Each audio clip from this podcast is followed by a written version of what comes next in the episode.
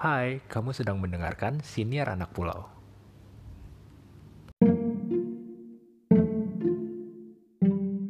Hmm, Leka, kamu bisa kasih tahu nggak ke teman-teman pendengar Siniar Anak Pulau kenapa episode Siniar Anak Pulau kali ini spesial banget? Okay, I'm super excited about this episode karena beberapa alasan sih, Vi. Yang pertama, ini episode pertama Siniar Anak Pulau yang mendatangkan tamu. Ini teman kita, Kandi, seorang education programmer buat pendidikan di luar sekolah yang pengalamannya banyak banget, Vi. Mulai dari jadi relawan daerah bencana sampai berenang sama ikan paus. Bayangin nggak? Wow. Nah, Kandi ini akan cerita sama kita tentang kenapa sih menjaga hubungan dengan alam itu bisa mengurangi depresi. Terus apa aja yang bisa teman-teman lakukan untuk tetap bisa dekat dengan alam meskipun eh, kerja kantoran atau tinggal di kota besar. Hmm. Yang nggak kalah spesial lagi, episode ini direcord dari tiga kota yang berbeda. Jadi aku dari Jakarta, kamu Vi lagi ada di Bali, dan Kandi ini ada di Bandung, gitu. Hmm. Oke, aku sebenarnya nggak mau banyak eh, ngomong sih. Kita langsung aja mulai ngobrolnya, ya, Vi. Sounds good? Halo Kandi, thank you udah mau gabung sama kita di Sinar Anak Pulau. Apa kabar Kandi? Halo Leka, halo Firman. Alhamdulillah kabar baik. Kalian apa kabar? Kabar baik, Kandi. Thank you ya udah mau ngobrol-ngobrol sama kita. Di sini kita ngobrolnya nggak formal-formal banget. Jadi waktu itu Leka sempat kasih ide, ya kemudian kita langsung excited aja buat ngajak Kandi ngobrol di salah satu episode Siniar Anak Pulau. Sama-sama makasih loh udah ngajak aku buat ngobrol-ngobrol ya sama kalian. Um, anyway, Kandi bisa ceritain gak nih ke teman-teman kegiatan Kandi tuh apa sih gitu? Ya kalau ditanya em, kerjaan aku apa, eh, jadi kalau aku sih menganggap diriku tuh adalah full full time freelancer. Jadinya em, aku bekerja by project, tapi eh, projectnya tuh terus menerus gitu dan dikerjakan secara full time kayak orang kantoran biasa gitu. Jadi Ya. Eh, cuman bosku banyak mungkin gitu kali ya terus em, kalau bidangnya sendiri sih em, aku spesialisasinya tuh di bidang eh, pendidikan luar sekolah khususnya untuk pendidikan anak-anak gitu yang ku lakukan biasanya sih eh, di di dalam tiap project tuh aku kayak mengembangkan program dan tools edukasi eh, kayak modul atau film atau buku cerita yang eh, ada konten edukasinya buat anak-anak gitu. Terus kemudian juga selain itu aku juga memberikan workshop dan pelatihan biasanya untuk pendidiknya. Wow. Ya, em, Kandi berarti udah ke berapa provinsi sih Kandi di Indonesia? Kalau terkait berapa provinsi sih aku sebenarnya kalau dibandingin teman-teman traveler yang lain mah nggak istimewa sih. Aku eh, udah ke 21 provinsi di Indonesia. Mungkin teman-teman travelerku yang lain sih banyak yang mungkin udah ke 33 provinsi. Ya. 34 provinsi pokoknya semua provinsi di Indonesia udah dikunjungin gitu ya kalau aku sih mungkin belum ke semuanya itu tapi mungkin yang membedakan adalah karena eh, kebanyakan eh, aku bepergian itu bukan cuman buat jalan-jalan tapi lebih untuk eh, apa ya lebih untuk berbagi gitu jadi pekerjaan em, entah itu volunteering atau itu em, memang pekerjaan yang ada hubungannya dengan pendidikan kayak gitu. Berarti Kandi mulainya di Bandung ya. Terus aku jadi penasaran nih, gimana awal mulanya Kandi tertarik dengan pembuatan program edukasi anak ini? Iya betul, aku tuh mulainya dari Bandung karena aku emang eh, dari lahir juga ya anak asli Bandung gitulah, anak Bandung banget. Nah terus eh, kalau ditanya sih awal mulanya kenapa tertarik di bidang pendidikan dan anak-anak itu karena eh, waktu aku lagi sekolah tuh kayak emang udah pernah ikutan sanggar gitu. Jadi sebenarnya di, di sanggar itu juga jadi volunteer gitu ya buat uh, jadi apa ya kayak kakak yang mendampingi adik-adik di program-program pendidikan luar ruangan gitu. Yang biasanya kita lakuin tuh kayak kita bikin dan uh, menjalankan program-program pendidikan di luar ruangan. Kayak uh, apa di alam terbuka gitu. Misalnya kayak di uh, kita ngajakin anak-anak camping atau hiking atau berpetualang apalah gitu macem-macem uh, men menjelajahi alam kayak gitu-gitu sih bareng sama uh, bareng sama sanggar ini gitu dan dari situ sebenarnya aku jadi suka ya kali ya jadi suka uh, ketika uh, eh, maksudnya suka sama dunia pendidikan dan anak-anak gitu. Nah, mulai bertualang keluar Bandungnya kapan tuh? Nah, kalau uh, ditanya nih kalau misalnya mulai bertualang keluar Bandungnya tuh kapan? Jadi ceritanya rada panjang sih karena gini. Jadi uh, waktu aku selesai uh, kuliah waktu itu kan uh, di apa ya namanya di uh, sanggarku itu yang boleh kerja di situ atau volunteering di situ tuh uh, batas umurnya adalah mahasiswa. Jadi aku begitu selesai kuliah aku nggak bisa lanjut di situ lagi kan. Tapi karena aku emang udah tertarik sama dunia pendidikan, akhirnya aku bikin lah sama teman-teman gitu, bikin uh, apa ya kayak organisasi atau komunitas yang berhubungan sama pendidikan. Yang pertama aku bikin tuh uh, perpustakaan anak, pustaka lana masih aktif sih sampai sekarang gitu Terus kemudian yang kedua yang aku buat tuh adalah uh, komunitas sahabat kota gitu. Nah, uh, sebenarnya yang dilakuin mirip-mirip sih sama yang dilakuin di sanggar itu uh, kita bikin program-program pendidikan untuk anak-anak gitu. Terus banyak juga yang dibawa keluar ruangan ke alam terbuka kayak gitu-gitu. Cuman uh, lebih luas aja cakupannya gitu. Kalau yang itu kan mungkin fokusnya lebih ke alam. Kalau ini fokusnya bener-bener ke macem-macem gitu. Uh, ada ke literasinya ada ke yang lain-lain.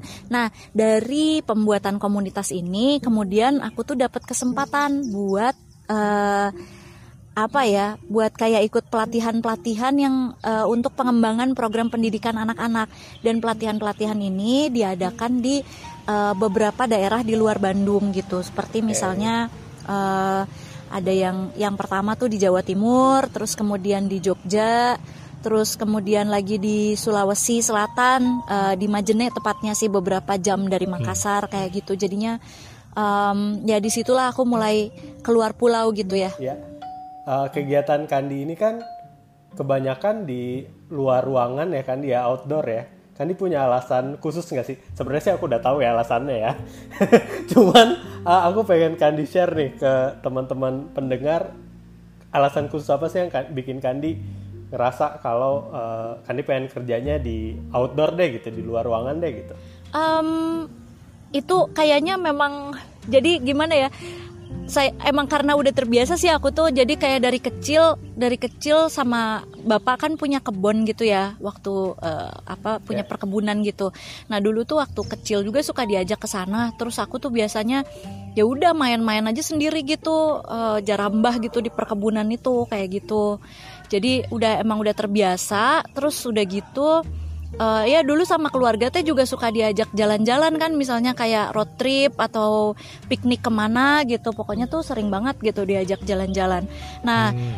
terus uh, apa namanya udah gitu kuliahnya juga teh mendukung juga karena kuliahku kan di biologi. Nah kalau biologi tuh banyak uh, kuliah lapangannya tuh yang memang harus masuk hutan lah, uh, masuk savana lah, mengamati hewan di alam liar gitu-gitu kan. Jadinya ya memang makin terbiasa aja mana ikutan sanggar sanggarnya juga gitu kerjaannya.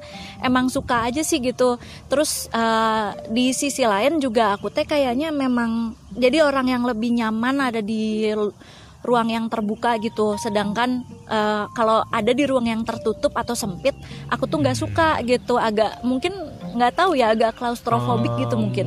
Oke. Okay.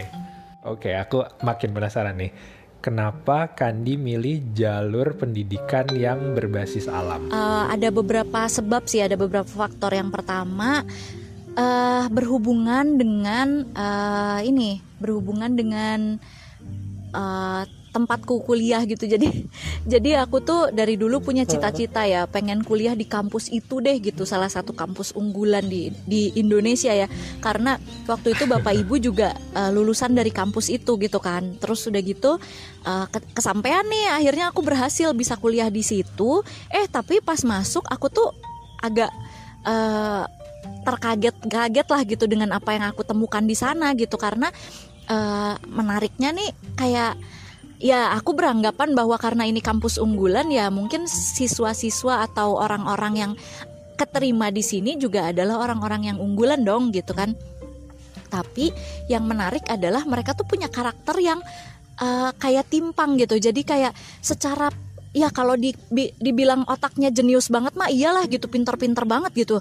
Luar biasa cara cara mereka berpikir dan men, menyerap teori-teori itu cepet banget gitu ya. Tapi di sisi lain mereka tuh uh, sangat apa ya ada aja gitu. Banyak di antara mereka tuh yang sangat kurang dari segi uh, kematangan emosi atau dari segi kemampuan interpersonal atau even kayak apa ya uh, kemampuan untuk berteman atau gimana sih kalau jadi teman yang baik tuh kayak gimana? Atau kalau gue marah tuh cara menyampaikannya gimana gitu. Itu tuh kayak banyak banget di antara mereka tuh yang kayak timpang dalam hal itu gitu. Terus aku mikir kan loh ini kenapa ya kok ada yang salah nih kayaknya gitu. Aku mikir gitu ya. Kemudian um, nah sementara uh, ada kontrasnya nih di sisi lain.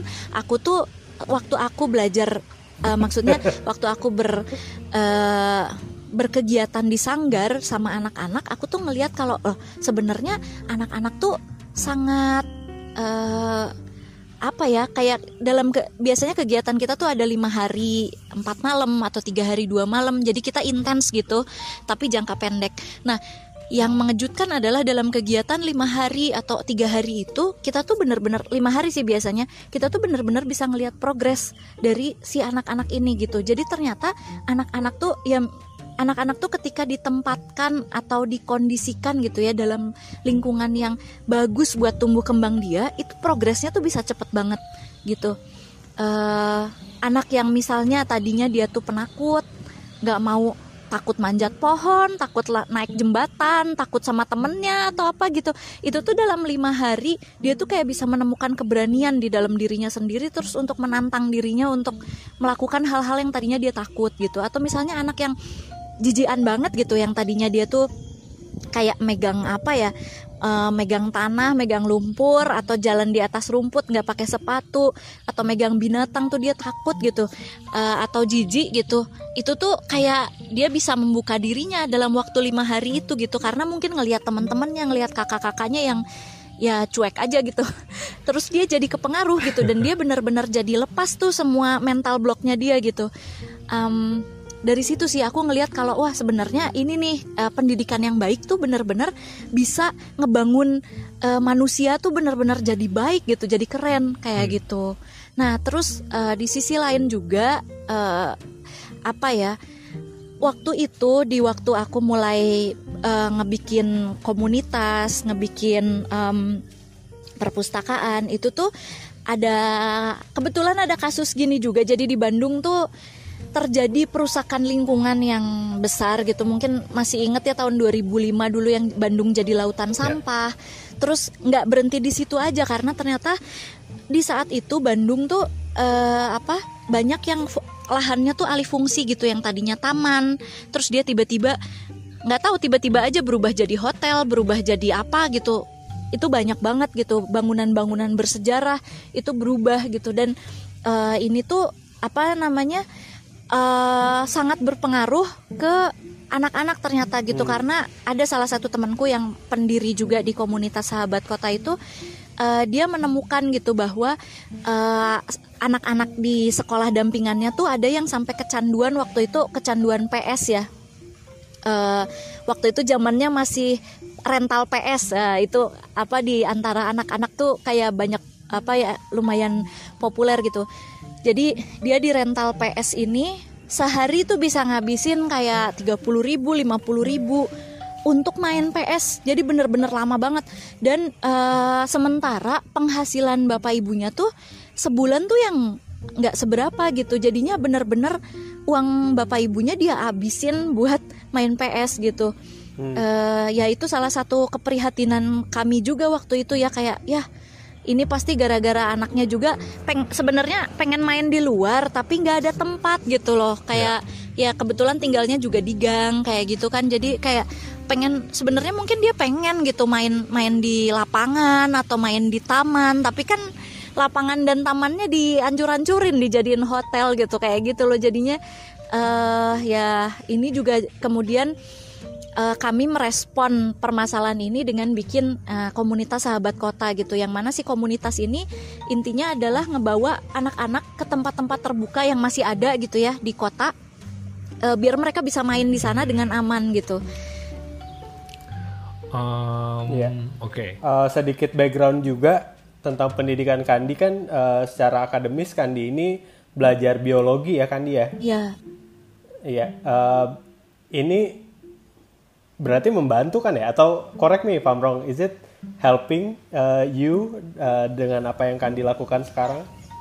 Oh uh, iya uh, kayaknya sih background pendidikanku kan di bidang biologi itu ngaruh banget sih ke uh, pasti ngaruh banget ke pekerjaan yang sekarang karena uh, tadi ya yang pertama itu uh, biologi itu kan dia banyak kuliah lapangannya jadi aku punya banyak kesempatan untuk keluar gitu ke setting-setting alami gitu hmm. dan setting alaminya nggak tanggung-tanggung gitu beneran alam liar aja gitu karena memang karena itu yang kita harus ke sana gitu ya ke tempat-tempat yang nggak dikunjungi manusia gitu kan karena yang mau kita lihat kan sistem alam gitu kayak gitu sih jadi itu sangat yeah. menarik uh, dari satu hal terus dari uh, sisi lain juga uh, dulu di biologi itu uh, aku kan ikut himpunannya dan um, di himpunan ini diajarin macam-macam keterampilan outdoor kayak misalnya navigasi, uh, gimana caranya packing, terus gimana nih uh,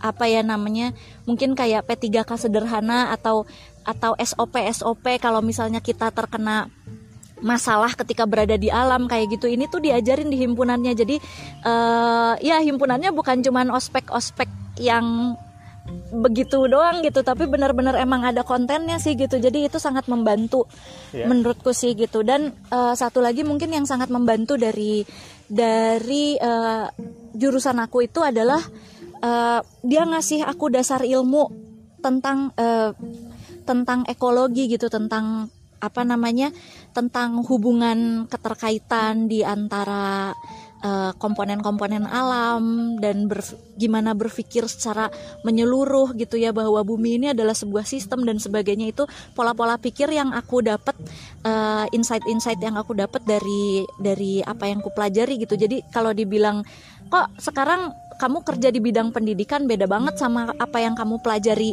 di kampus? gitu sebenarnya enggak loh. Sebenarnya hmm. uh, aku tuh uh, menggunakan itu banget gitu, menggunakan ilmu-ilmunya banget gitu. Cuman dengan cara yang berbeda mungkin dari uh, lulusan biologi kebanyakan kayak gitu. Ya, yeah. that's really interesting. Um, iya, kita mungkin kembali ke pendidikan untuk anak berbasis alam tadi kali ya. Ya. Terus menurut Kandi, apa yang bisa membuat anak-anak ini cepat beradaptasi dengan alam? Ya itu banget sih. Anak-anak tuh uh, kalau diajak ke alam sebenarnya ya walaupun seanak kota apa pun tapi dia tuh kalau sehari dua hari aja sih sebenarnya uh, nanti dia tuh bakalan nggak akan canggung lah ada di alam gitu. Dan malah lebih bahagia lebih seneng uh, lebih berkembang gitu karakternya. Kalau hmm. ditanya kenapa alasannya kalau menurutku sih karena anak-anak itu ya, ini ini ada teorinya ya sebenarnya ada bukunya kalau mau dibaca sih gitu. Tapi anak-anak itu punya uh, apa ya mereka itu emang wired uh, secara natural gitu untuk uh, menerima alam gitu dengan mudah. Sebenarnya semua manusia tuh kayak gitu. Kayak misalnya kalau kita ngelihat warna merah uh, itu tuh kayak dia tuh evoke semacam emosi gitu di di kita kan. Emosi marah misalnya. Kalau kita ngelihat warna biru terus-terusan itu juga evoke emosi. Seperti uh, misalnya emosi semacam depresi atau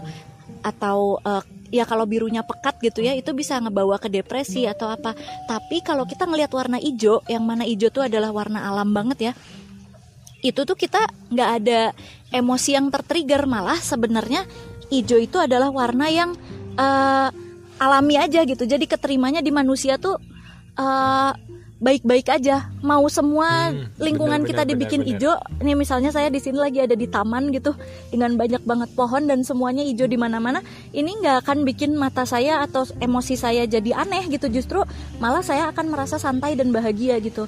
Kayak gitu. Jadi sebenarnya semua manusia tuh wired untuk uh, kehidupan yang alami gitu termasuk anak-anak. Anak-anak apalagi karena mereka masih lebih deket ya ke ke fitrah gitu mungkin kalau kalau bahasa islaminya mah gitu. Uh, ya fitrahnya manusia tuh adalah itu gitu sebenarnya hidup di dalam alam kan gitu. Jadinya hmm. anak-anak itu karena dia lebih dekat sama fitrahnya ya dia juga akan lebih merasa nyaman dan sehat ketika dia berada di alam gitu. Jadi akan lebih gampang gitu untuk kembali ke sana gitu kayak banyak sih uh, hal-hal di alam yang sebenarnya tuh sangat berguna buat kita tanpa kita sadari gitu. Misalnya kayak matahari pagi gitu. Kalau orang kena depresi dia tuh bener-bener bisa sembuh loh salah satunya dengan uh, sering berjemur matahari. Kenapa? Karena matahari itu um, matahari pagi itu merangsang pembuatan hormon apa gitu yang uh, hormon itu adalah antidepresan gitu. Jadi hanya dengan kena matahari sebentar aja setiap pagi itu tuh gejala-gejala depresi bisa berkurang banyak gitu. Salah satunya itu gitu sih. Nah, kalau gitu menurut Kandi nih ya, apa yang bikin ini jadi terputus nih ketika kita udah dewasa kan kita kayak disconnect ya sama alam. Hmm. Aku juga pernah ngobrol sama Leka nih kalau biasanya orang yang di kota besar suka lupa kalau mereka adalah bagian dari alam dan yeah. secara geografis mereka uh, sebetulnya dekat dengan kehidupan pulau gitu. Makanya kita angkat topik siniar anak pulau ini. Nah, kalau kemudian uh, kita sebagai orang dewasa tuh bisa nggak ngerasain lagi koneksi kita sama alam ya uh, menurutku sih itu karena pembiasaan aja sih gitu karena ya pertama kita tuh nggak pernah diajarin. Dari kecil juga kan kita nggak pernah diajarin bahwa kita tuh butuh alam atau kita tuh bagian dari alam. Iya. nggak yeah. pernah kita diajarin seperti itu kan. Terus kemudian ya kita udah dibiasakan gitu. Dari kecil semakin lama semakin lama uh, semakin besar semakin besar tuh semakin terputus sama alam gitu. Kegiatannya makin banyak di dalam ruangan gitu. Terus kemudian uh, apa ya ya apa namanya itu adalah ya misalnya kita ngantor 9 to 5 gitu itu ya itu dianggap sesuatu yang wajar gitu. Uh, berada di dalam ruangan terus menerus selama sekian jam gitu. Itu dianggap hmm. ya kewajaran gitu kan. Ya sebenarnya itu karena terbiasa aja sih karena uh, semua orang melakukannya gitu. Kalau menurut aku sih itu uh, jadi kita kemudian lupa gitu bahwa uh, apa namanya kenyamanan kita yang sebenarnya itu ketika kita berada di dalam alam gitu. Mungkin itu sih uh, kalau menurut aku ya, ya. tapi sebenarnya uh, badan kita tuh nggak nggak bisa bohong sebenarnya ya. Maksudnya kalau kita sama sekali memutus hubungan kita dengan alam tuh sebenarnya badan kita kena. Cuman kita nggak sadar aja gitu. Kayak ya misalnya kita nggak pernah kena matahari eh, nggak uh, pernah kena cahaya matahari atau misalnya kita nggak pernah ngehirup udara seger yang kita hirup udara AC mulu gitu.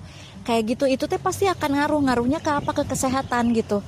Nanti kita baru tahu kalau udah uh, ya terakumulasi ya. Dia mungkin jadi penyakit apa? Jadi penyakit ini penyakit itu. Mungkin dari mood kita yang kenapa sih gue stres terus tidur jadi nggak berkualitas dan hal-hal seperti itu. Kurasa itu karena ya sebenarnya badan kita teh masih membutuhkan alam masih sangat membutuhkan alam gitu tetapi kita uh, apa ya berhenti untuk mendengarkan mungkin gitu ya oke okay. di saat kondisi pandemi gini, kita kan harus stay at home ya, sebisa mungkin. Menurut Kandi nih, apa dampaknya buat kita yang makin jauh dari alam? Nah, itu dia uh, sejak pandemi ini kan kita juga uh, ya mau nggak mau ya terpaksa banyak di rumah karena uh, ya untuk kesehatan dan keselamatan kita gitu. Ya. Aku rasa sih itu pasti ada dampaknya sih gitu. Kalau ke aku jelas aku ada dampaknya banget gitu. Aku ngerasain banget gitu gimana nggak bisa apa-apa, nggak bisa apa namanya terkurung di dalam rumah kayak gitu-gitu ya. Dan mungkin kalau aku lihat-lihat sih nggak cuma aku doang yang ngalamin, tapi kayak uh, banyak juga yang mungkin kita sempat beberapa waktu yang lalu selama masa lockdown ini denger yang namanya cabin fever kali ya. Jadi kayak orang tuh Ya. kayak gelisah terus di rumah nggak bisa apa tidurnya nggak enak kayak gitu-gitu terus kayak moodnya jelek terus dan eh, mereka menyebutnya cabin fever gitu kayak kelamaan tinggal di dalam rumah gitu. Eh, terputus gitu dari luar kan. Mungkin terputusnya juga bukan cuman terputus dengan alam tapi terputus secara sosial. Karena manusia kan juga butuh ini ya. Manusia kan butuh ya butuh ketemu langsung gitu ketemu fisik sama orang lain gitu kan. Butuh salaman butuh eh, mungkin saling ngerangkul gitu butuh bersentuhan secara fisik. Dan ini nggak bisa dilakukan karena pandemi gitu. Eh, ya apa ya mungkin sebenarnya ada beberapa hal yang bisa dilakukan sih supaya untuk mengurangi dampak ini keterputusan itu ya. Kayak misalnya eh kalau aku sih yang yang suka aku lakukan tuh kayak berjemur tetap ya. Maksudnya gimana pun juga kita kita kan di, walaupun kita di rumah tapi kita seenggaknya masih punya akses dong sama matahari ya nggak sih? Gitu sama sinar matahari. Nah itu adalah hal yang penting gitu. Kayak jangan sampai dilewatin tuh gitu Eh, bisa keluar rumah terus eh, apa namanya ya alam itu ada juga kok di sekeliling kita walaupun kecil gitu ya. Itu bisa gitu. Terus kemudian juga kalau emang udah butek banget eh, ini juga penting sih gitu. Kayak kalau udah butek banget di rumah eh, kita masih bisa sih sebenarnya em, keluar rumah gitu. Tapi eh, tentunya dengan pertimbangan gitu kan. Pertimbangannya adalah kita nggak bisa keluar rumah karena takutnya ketemu orang kan. Dan sebenarnya interaksi manusia itu yang bikin kita jadi nggak bisa eh, eh apa kita jadi beresiko tertular gitu. Nah artinya apa? Artinya kalau kita pergi ke tempat yang nggak ada manusianya ya sebenarnya kita tuh masih bisa gitu me- mengalami koneksi sama alam gitu ya pergi aja ke mana? Mungkin kalau di Bandung kayak ke taman hutan raya atau ke taman-taman yang luas gitu yang apa namanya ya kayak aku lagi di taman nih dan di sini nggak ada orang. Ada sih orang tapi jaraknya jauh banget mungkin kayak 50 meter dari aku gitu dan Iya, itu iya, aman kan gitu. Nah, ini mungkin eh, terkait sama suatu statement yang aku ingat juga dari dari Kandi eh, di workshop Kandi yang yang diselenggarakan di eh, beberapa waktu yang lalu. Kandi itu sempat bilang Kandi ingin hidup yang eh, ber- berkelimpahan, yang abundance, bukan yang penuh kekayaan gitu.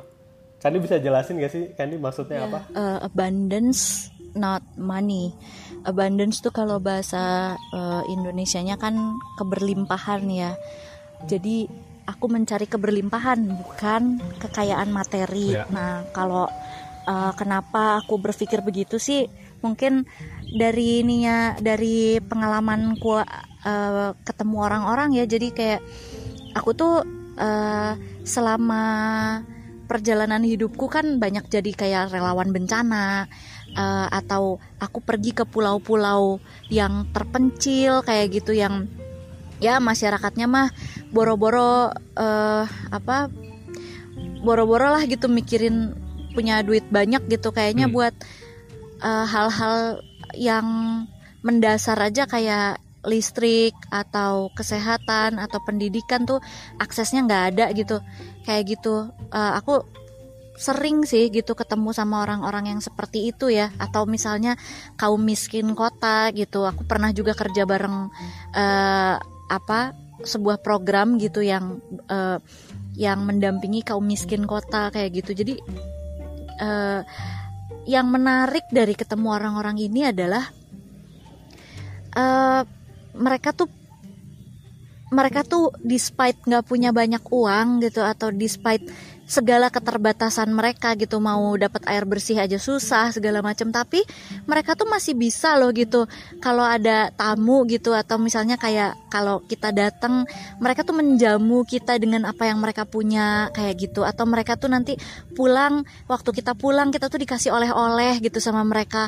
Ini orang-orang yang hidupnya bener-bener susah loh gitu. Kayak gitu. Dan kupikir kayak uh, ini hal yang menarik karena aku berpikir bahwa mereka tuh adalah orang-orang yang punya abundance gitu. Abundance tuh apa? Abundance tuh ya rasa keberlimpahan gitu, rasa bahwa saya teh memiliki sesuatu yang lebih. Jadi saya bisa bagi sama orang lain gitu. Kayak gitu dan uh, perasaan lebih ini nggak kita nggak perlu ternyata kita nggak perlu punya kekayaan material yang banyak gitu untuk bisa merasa bahwa kita tuh cukup bahkan lebih kayak gitu dan abundance nih atau keberlimpahan nih uh, asalnya tuh bisa dari mana aja ya. Abundance dari segi materi iya ada juga ya gitu. Bahwa kita punya banyak uang sehingga kita bisa punya uh, banyak pilihan gitu dengan uang yang kita punya. Itu juga abundance gitu tapi itu bukan satu-satunya pilihan gitu.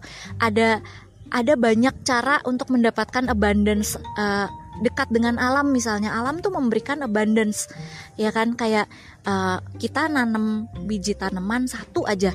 Dia tumbuh jadi pohon dia ngasih kita berkali-kali lipat dari yang kita tanam gitu. Atau misalnya alam tuh di apa? Dia punya dia ngasih kita air bersih dia ngasih kita udara untuk bernafas yang jumlahnya berlimpah dan kita nggak pernah kekurangan gitu uh, dan dia nggak pernah minta ke kita kayak woi bayar dong gitu. Kan nggak gitu kayak ya dia memberi aja gitu kayak gitu. Alam tuh uh, mengingatkan kita selalu tentang uh, keberlimpahan gitu. Ketika kita deket sama alam tuh kita akan merasakan banget yang namanya keberlimpahan itu. Dan itu yang mungkin aku pikir um, kenapa suku-suku di daerah terpencil yang tadi aku sebutin yang mereka mungkin gak punya banyak uang tapi mereka bisa memberi banyak ke kita gitu. Mungkin karena itu sih gitu karena mereka teh ya hidupnya teh dekat dengan rasa keberlimpahan itu gitu. Karena dekat dengan alam gitu ya. Terus abundance itu juga bisa dilihat dari uh, bisa didapat dari uh, kehidupan sosial gitu. Ketika kita punya kehidupan sosial yang kaya kita punya teman-teman yang nggak perlu banyak lah secara kuantitas tapi teman-teman ini adalah teman-teman sangat baik yang ngerti banget kita kita juga ngerti banget mereka yang mereka bisa memberikan support dan ngebantu kita berkembang alih-alih. Kalau kita berkembang atau kita dapat achievement apa dianya malah ngomongin kita di belakang gitu. Itu juga abundance loh gitu itu tuh rezeki banget gitu punya teman-teman atau support system yang seperti itu gitu. Itu juga abundance gitu. Uh, aku lebih ingin uh, memiliki itu gitu. Uh, uh, atau aku lebih mementingkan punya hal-hal semacam itu daripada uh, punya uang yang banyak gitu. Tapi kemudian kesepian gitu ya. Kayak gitu sih. Terus udah gitu kesehatan itu juga adalah satu abundance gitu.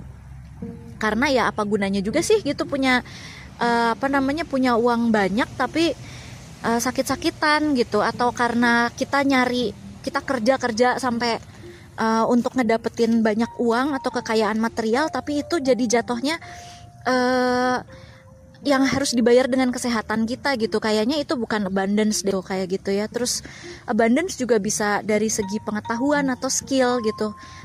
Ketika kita punya banyak uh, kita jadi uh, tahu kita punya banyak pengetahuan kita punya, banyak skill kita sebenarnya bisa bisa jadi nggak perlu banyak uang gitu. Karena um, ya dengan pengetahuan dan skill kita itu kita bisa ngedapetin hal-hal yang kita butuhin untuk hidup uh, sejahtera gitu.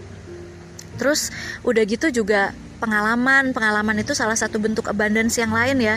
Jadi uh, apa orang yang uh, punya banyak punya banyak cerita atau punya banyak pengalaman di dalam hidupnya tuh juga menurutku adalah orang yang kaya gitu. Dan ya itu sih mungkin uh, apa ya aku tuh aku tuh berpikir bahwa kekayaan tuh kalau kekayaannya bentuknya material dia tuh bisa diambil orang dia bisa dicuri. Tapi uh, jadi aku pengen hidup yang kaya tapi kayanya sama sesuatu yang nggak bisa dicuri atau diambil orang gitu kayak gitu jadi ya itu tadi dengan abundance ah oke okay. ya ya ya lalu apa yang teman-teman di kota bisa lakukan biar nggak terputus gitu dengan alam Ya oke, okay. uh, buat teman-teman yang mungkin ngerasa, aduh gue mungkin hidupnya terputus sama alam atau uh, apa ya, yang merasa jadi uh, apa ya, mungkin di di uh, beberapa webinar aku yang sebelumnya ada yang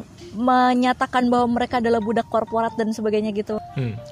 Kalau misalnya nggak berarti teman-teman apa ya teman-teman kalau kerja 9 to 5 uh, kantoran dan sebagainya terus nggak bisa ngedapetin abundance nggak uh, jalan hidup jalan hidup aku uh, itu adalah apa yang aku pilih tapi bukan berarti hanya aku yang bisa ngedapetin hal-hal seperti itu gitu sebenarnya teman-teman juga sangat bisa kok gitu dengan caranya masing-masing gitu kan setiap orang punya uh, punya situasi dan kondisinya sendiri punya struggle-nya sendiri dan punya uh, punya pilihan punya kesempatan dan pilihan-pilihannya sendiri ya gitu jadinya hmm. selama kita selama kita menyadari bahwa ini adalah pilihan yang dibuat dengan sadar uh, dan bahwa ini adalah sesuatu yang mungkin uh, saya inginkan gitu selama kita punya kesadaran itu ya selama kita masih punya kesadaran bahwa apa sih sebenarnya yang saya mau apa yang saya nggak mau gitu uh, dan apakah pilihan saya ini adalah pilihan yang bukan sekedar sesuai dengan kemauan tapi realistis juga gitu ya. Itu adalah uh, menurut aku you are okay gitu uh, you are okay just the way you are gitu. Um, you you still can have abundance uh, tetap kita bisa mendapatkan keberlimpahan selama tadi itu gitu selama kita merasa uh, selama itu pilihan itu dibuat dengan sadar dan kita sadar apa yang kita suka apa yang kita mau apa yang kita nggak mau gitu sih. Ini kalau menurut aku gitu. Dan juga uh, kalau dibilang ya tapi kalau misalnya kita hidup di kota terus kerja 9 to 5 ya itu kan mau nggak mau terputus sama alam dan artinya uh, fitrahnya tubuh kita yang membutuhkan alam tuh jadi nggak dapat sebenarnya nggak juga sih gitu. Uh, maksudnya artinya kita bisa aja kok gitu mendapatkan uh, interaksi positif dengan alam uh, tanpa harus pergi ke pulau terpencil kayak aku gitu. Nggak nggak perlu kayak gitu. A ada beberapa hal yang bisa kita lakukan entah itu uh, di kota gitu dan dengan sisa-sisa waktu di sela kegiatan yang lain gitu um, sebenarnya bisa kok gitu. Di kota juga banyak gitu sebenarnya yang bisa kita lakukan untuk tetap terhubung sama alam. Ingat kita walaupun kita tinggal di kota kita itu sebenarnya hidup di dalam alam loh gitu. Jadi alam itu masih ada di situ-situ aja kok gitu. Cuman mungkin ketutup-tutup dikit sama tembok sama uh, mobil gitu sama jalan. Tapi ada gitu sebenarnya. Dia itu ada di situ gitu. Uh, salah satu hal yang bisa bikin kita uh, membuat kita lebih dekat mungkin ya uh, menyadari lagi bahwa alam itu ada kok di dekat kita di sekitar kita gitu. Ya kalau buat aku sih bercocok tanam ya. Itu adalah salah satu survival mode aku juga gitu. Waktu kemarin uh, pandemi gitu. Karena kan pandemi harus di rumah terus nggak bisa ke mana-mana. Ya akhirnya aku bercocok tanam gitu. Aku ngebon di halaman rumah sendiri kan ada ya sekarang mah ngebon tuh nggak harus punya berarti punya tanah kan. Asal punya tempat yang ada mataharinya asal punya air udah sebenarnya kita tuh bisa gitu. Ber ada berbagai macam caranya gitu. Uh, apa bercocok tanam pakai pot lah atau di vertical garden lah segala macam ya masih banyak gitu.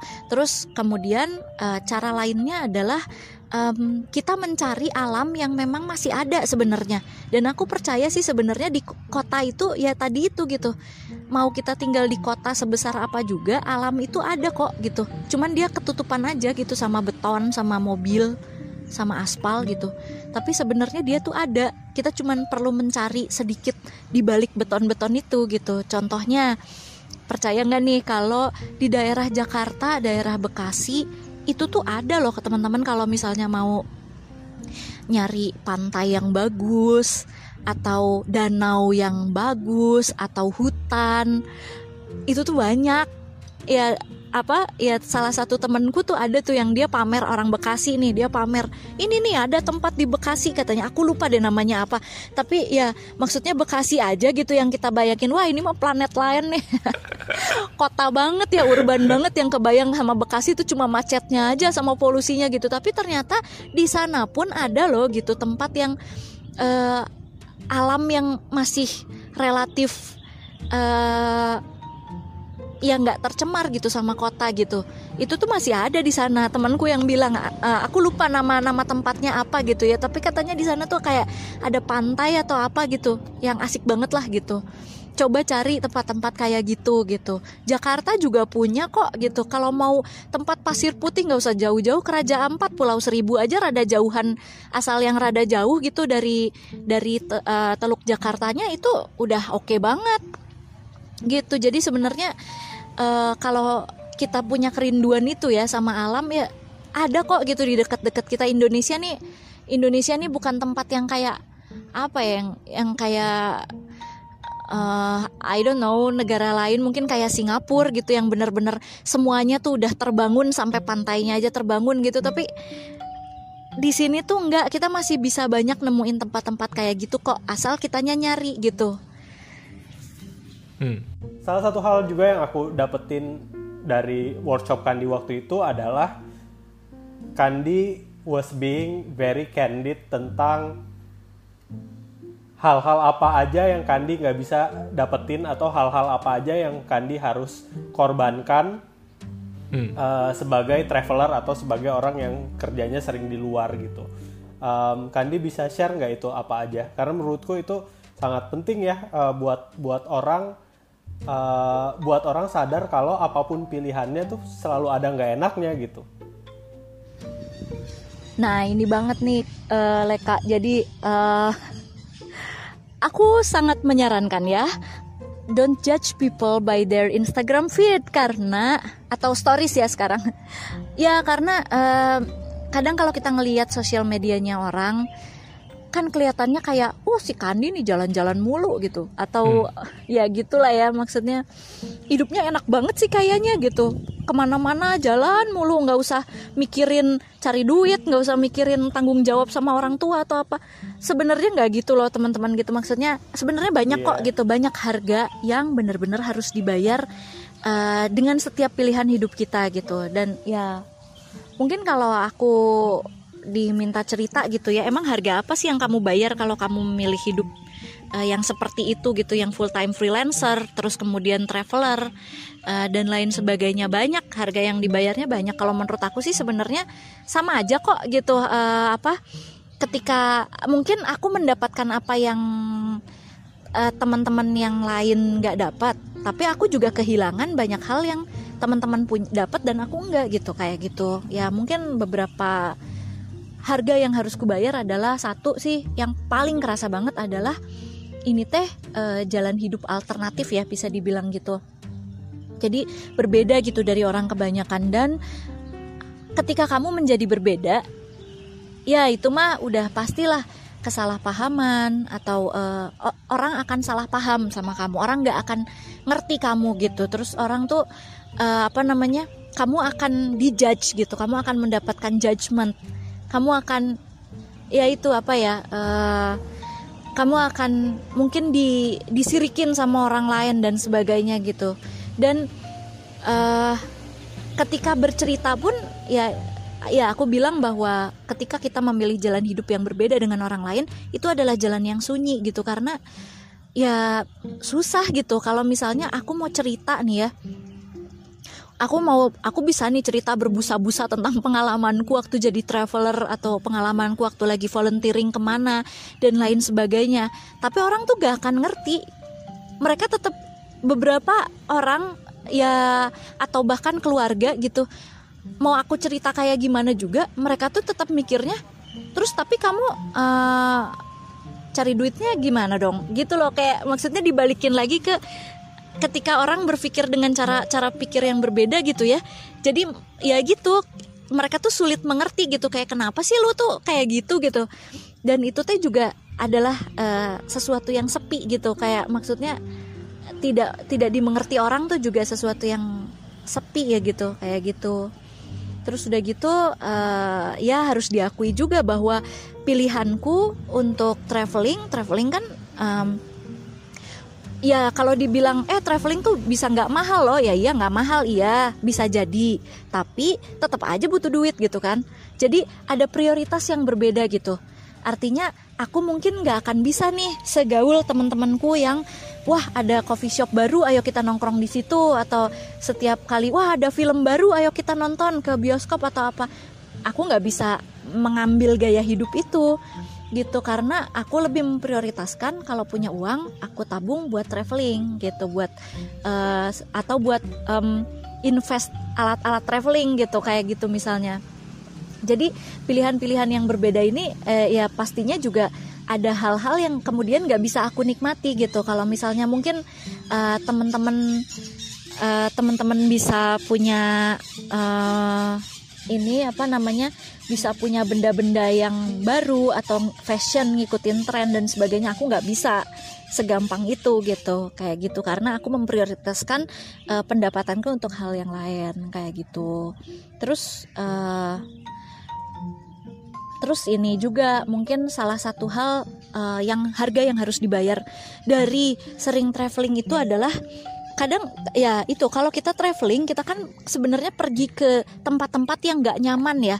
Ya mungkin ada sih traveling nyaman tuh ada gitu tapi biasanya yang aku lakukan nggak itu. Karena aku kan pergi ke tempat-tempat terpencil untuk ngedukasi orang atau aku pergi ke daerah bencana. Ya uh, ya itu di luar harga cerita-cerita yang ku dapat uh, dan pengalaman-pengalaman menarik yang aku dapat di sana uh, jejaring dan sebagainya tapi ya aku juga ngedapetin kayak gitu berhadapan langsung dengan bahaya dan penyakit gitu. Mungkin kalau mau cerita sedikit nih gitu tahun 2015 aku pernah ikut ekspedisi bareng sama kapal TNI gitu kita berlayar sebulan. Pulang dari ekspedisi itu aku tuh kena penyakit. Ini uh, apa namanya waktu itu pulang dari Sulawesi pedalaman gitu aku tuh kena penyakit. Jadi kayak uh, apa ya entah apa gitu tapi uh, jadi badanku tuh kayak bentol-bentol bernanah gitu.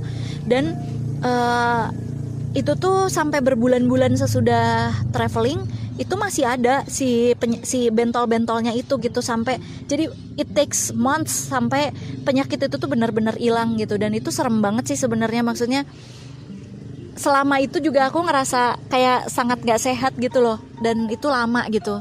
Dan bukan cuma aku yang ngalamin karena temenku ada uh, orang bule dia sempat cerita juga kalau um, dia pernah uh, traveling ke Kalimantan terus dia berenang di sungainya. Abis itu dia pulang ke negeri dia. Nah terus pas udah gitu sesudah itu selama setahun dia tuh aneh banget kenapa sih gue tuh lethargic gitu kayak apa ya? Kayak uh, sakit bukan sakit sih kalau dibilang sakit sih enggak gitu tapi lemas terus gitu. Kayak kayak uh, kayak orang lagi mau sakit gitu. Lemas terus gitu tapi nggak jelas sakitnya apa. Dia udah bolak balik ke rumah sakit ke dokter nggak ada yang bisa mengkonfirmasi sakit dia apa sampai suatu saat dia ketemu uh, sama salah satu dokter yang um, uh, apa yang sadar gitu bahwa ternyata dia tuh kena parasit. Jadi waktu dia lagi berenang itu ada parasit yang masuk ke badan dia. Dan dan dia dan itu bersarang di, hidup di badan dia. Dan dia tuh nggak sadar kalau uh, itu tuh ada gitu. Jadi selama setahun dia tuh ya udah gitu aja sakit-sakitan kayak orang kayak kayak orang apa namanya ya dia ngerasa ada yang nggak ada yang nggak beres dengan badannya dan ternyata itu tuh memang ada gitu tapi uh, baru ketahuan setelah setahun gitu. Ya itu salah satu harga yang harus dibayar ya gitu. Karena kalau traveling kan kita pergi ke tempat-tempat yang kita nggak kenal gitu. Jadi ya ya kita juga harus apa namanya memang harus mengembangkan suatu keterampilan tertentu buat survive buat mengamankan diri sendiri kayak gitu-gitu. Dan tetap aja walaupun kayak gitu juga ya kena mah kena aja gitu. Ya itu hal-hal buruk yang terjadi selama traveling gitu ya. Harus diterima sebagai bagian dari risikonya gitu. Mungkin kalau risiko orang ngantor adalah ketemu bos yang nyebelin atau partner kerja yang nyebelin risiko aku traveling ya itu gitu. Ketemu dengan bahaya dan penyakit dan lain-lain gitu. Ya. Nah ini aku setuju banget kan di semua kerjaan pasti ada enak ada nggak enaknya, yeah. ada perks ada resikonya dan um, Kandi I think that's a very nice way to close this session. Pengen banyak ngobrol tapi nggak terasa hmm. udah satu jam yeah. aja kita uh, ngobrol-ngobrol nih hari yeah. ini. Kandi, thank you banget ya buat sharingnya. Kita seneng banget bisa ngobrol di satu episode Siniar Anak Pulau hari ini. Mungkin next kita ngobrol-ngobrol lebih banyak tentang pengalaman Kandi Ya, sebagai em, relawan ya. Ya, Sama-sama makasih loh udah ngajak aku buat ngobrol-ngobrol ya sama kalian. untuk teman-teman yang punya pertanyaan lanjutan untuk Kandi atau mungkin mau berkolaborasi, nanti kita bisa bantu uh, dengan cara hubungi kita di Instagram @sinaranakpulau atau melalui website kita www.sinaranakpulau.com. Hmm. Thank you for listening. See you on the next episodes.